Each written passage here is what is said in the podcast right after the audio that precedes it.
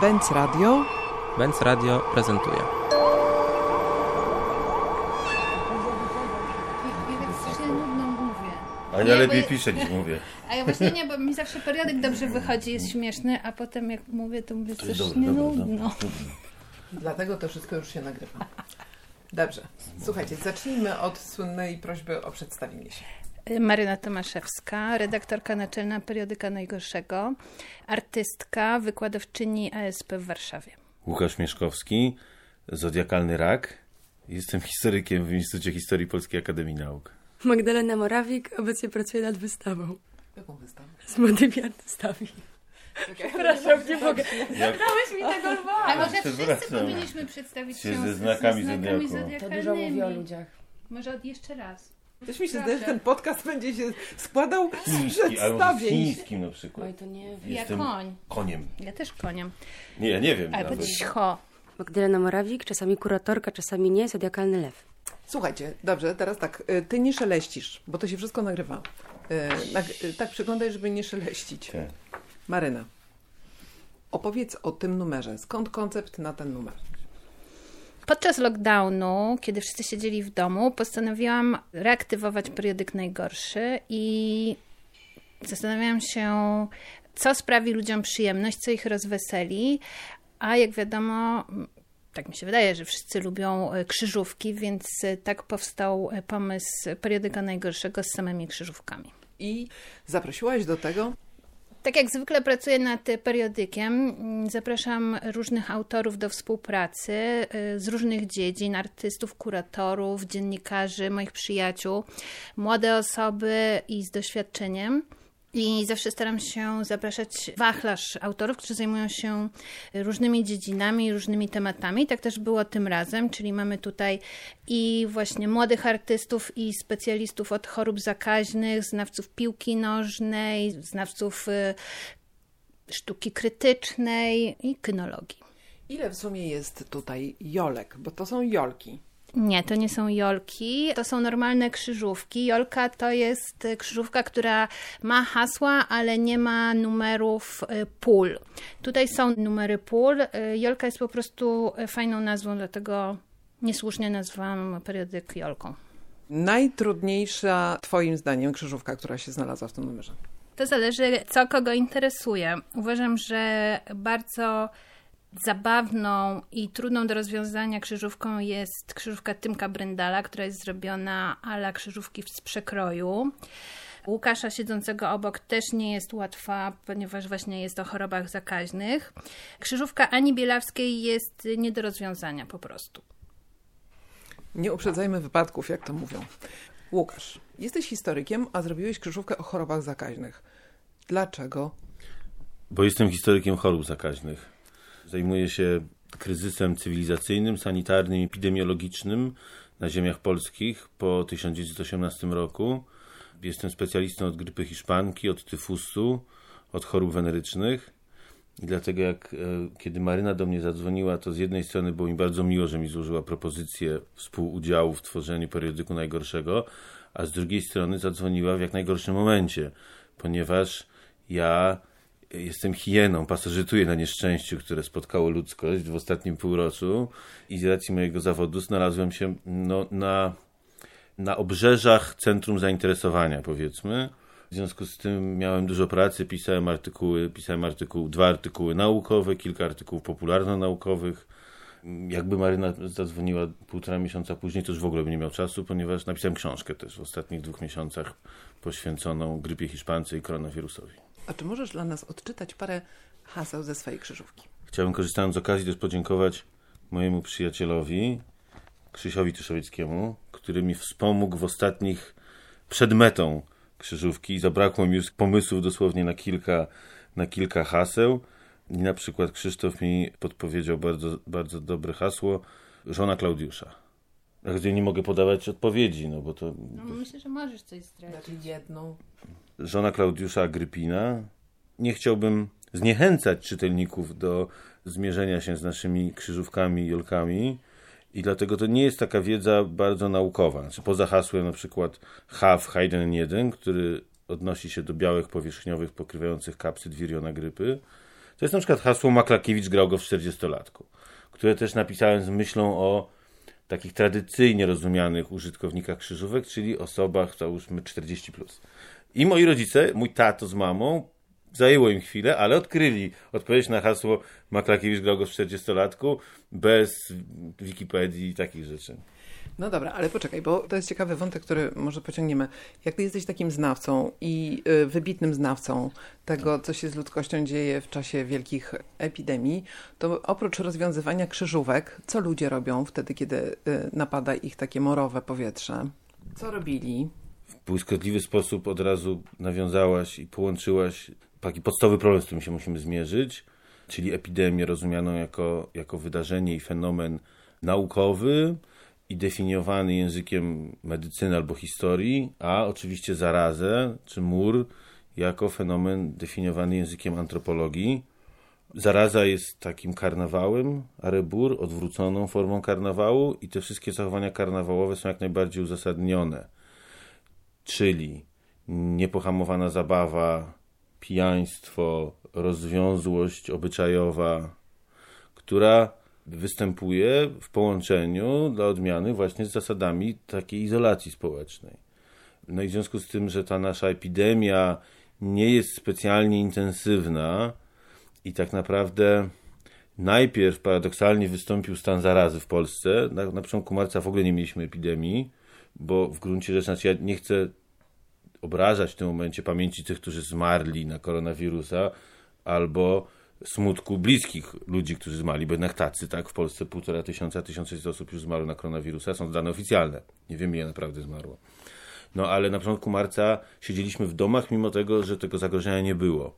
I wtedy faktycznie przeszliśmy przez taki pierwszy moment izolacji, który występował też w innych, w innych takich znanych z historii różnych epidemiach, szczególnie oczywiście myślimy o epidemii dżumy, czarnej śmierci z połowy XIV wieku, ale tam to wszystko było bardziej intensywne i ten moment takiego rozluźnienia obyczajów, właśnie tańca, zabawy, e, ślubów pandemicznych, czy też ślubów takich zarazowych, kiedy to podstarzałe wdówki wychodziły za młodych mężczyzn, którzy następnie umierali, one żeniły się po raz kolejny i rekordzistki w ciągu trzech miesięcy zawierały tam 15 czy ileś ślubów, jak we Florencji w połowie XIV wieku, no to u nas to wszystko było takie znacznie bardziej, powiedzmy, na mniejszym diapazonie, z mniejszą intensywnością, ale myślę, że pytanie? właśnie, że właśnie teraz przeżywamy ten drugi element. To, że wszyscy chodzą bez maseczek, że lokale są pełne, że lokale wyborcze są pełne.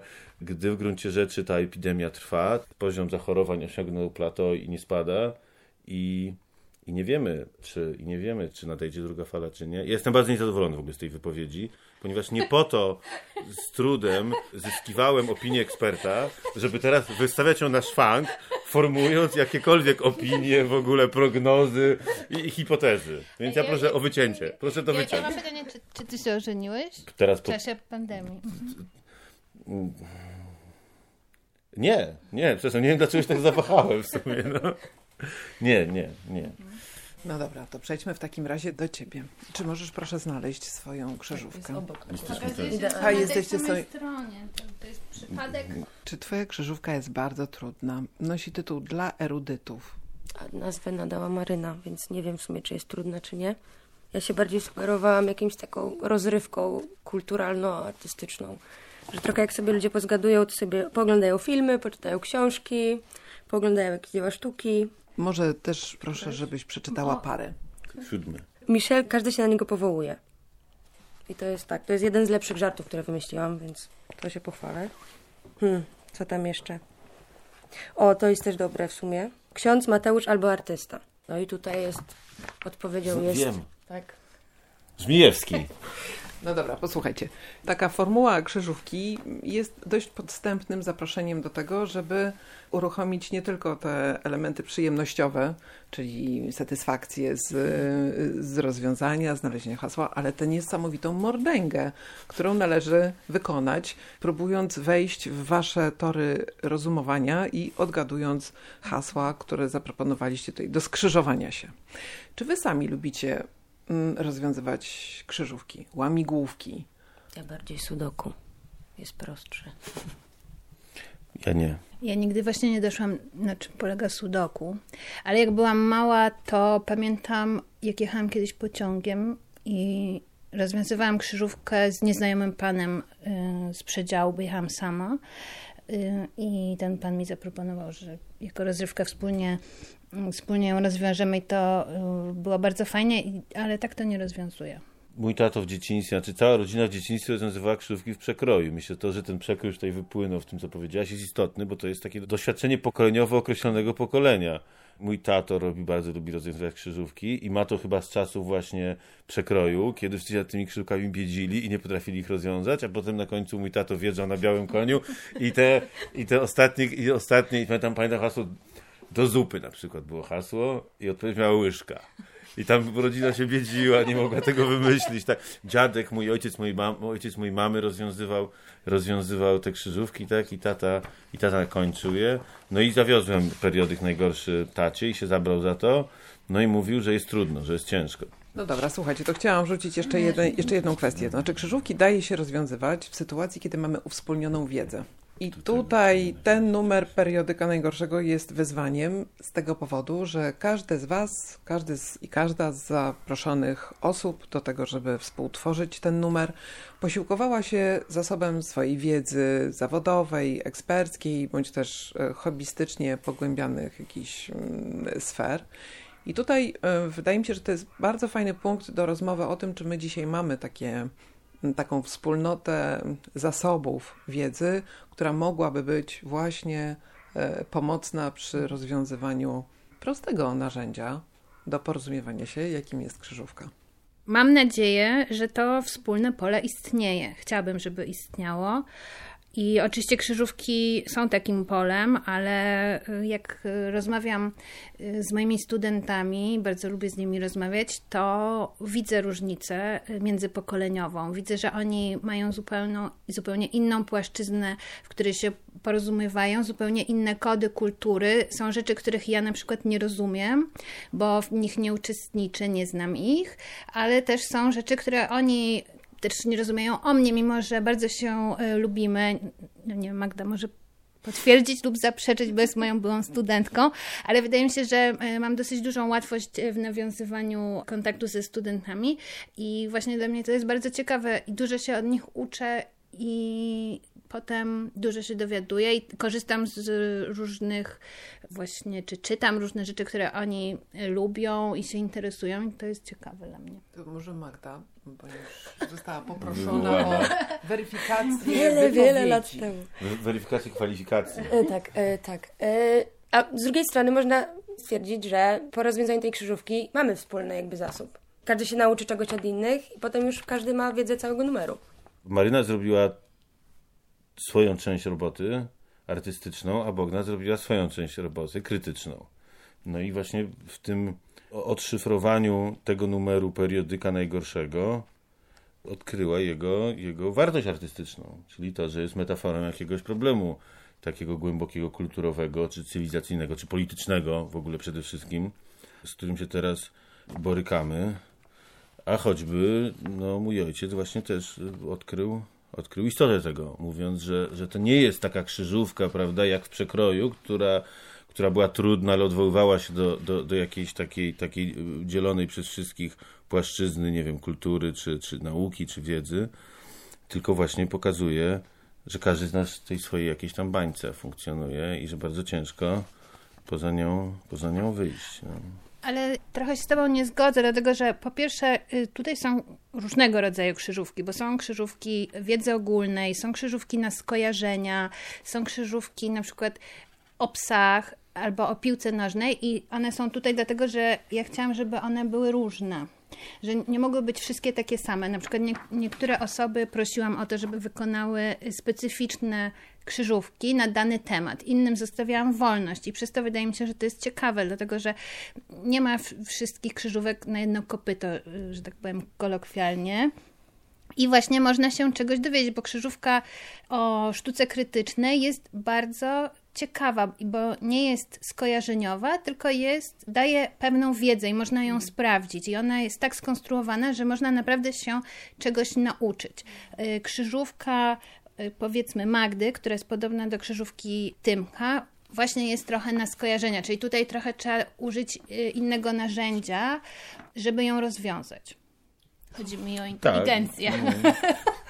No też jakiś wysiłek, bo to Wysiłek, też no jakby właśnie to jest z tego wysiłek- jest przyjemność potem po Tak, prostu. bo, bo powiedzmy krzyżówkę właśnie, która daje wiedzę, można sprawdzić w internecie i się czegoś dowiedzieć i to jest wartość, a krzyżówka, w której musisz się wysilić intelektualnie, daje ci innego typu satysfakcję.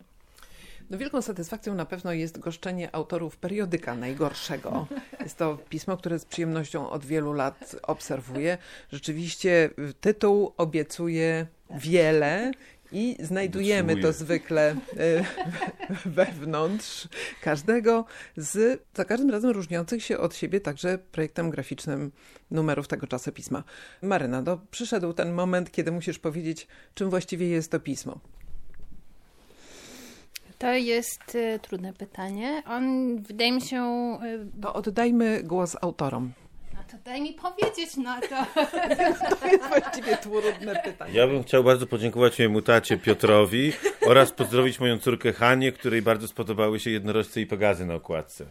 A ja nie wiem, co mam powiedzieć. Też jest piękna oprawa graficzna i tutaj obok nas leżą inne numery, więc możemy trochę je poprzeglądać. Ale z chęcią też się dowiemy, czym jest periodyk E, tak, najgorszy do, od bardzo autorki. chętnie się dowiem.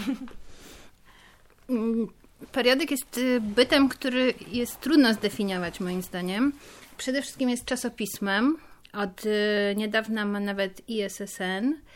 Jest y, wystawą na papierze, której y, jestem redaktorką naczelną, ale też kuratorką, ale też artystką, więc jest to mój wyraz artystyczny, ale ponieważ zapraszam różnych autorów do współpracy, jest też ich wyrazem, właśnie jest wystawą. Za każdym razem periodyk ma inny temat, który próbuje z autorami jakoś definiować albo redefiniować, interpretować. Lubię używać stereotypów i się z nimi mierzyć.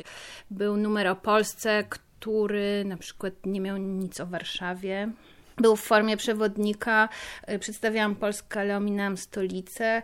Był numer rosyjski o złocie, był numer o czasie w postaci kalendarza kuchennego, więc za każdym razem badam temat, który mnie interesuje i zapraszam różne osoby, które się w tym temacie specjalizują albo które mają coś interesującego do powiedzenia lub na przykład w ogóle nie znają się na tym temacie, co też może być interesujące.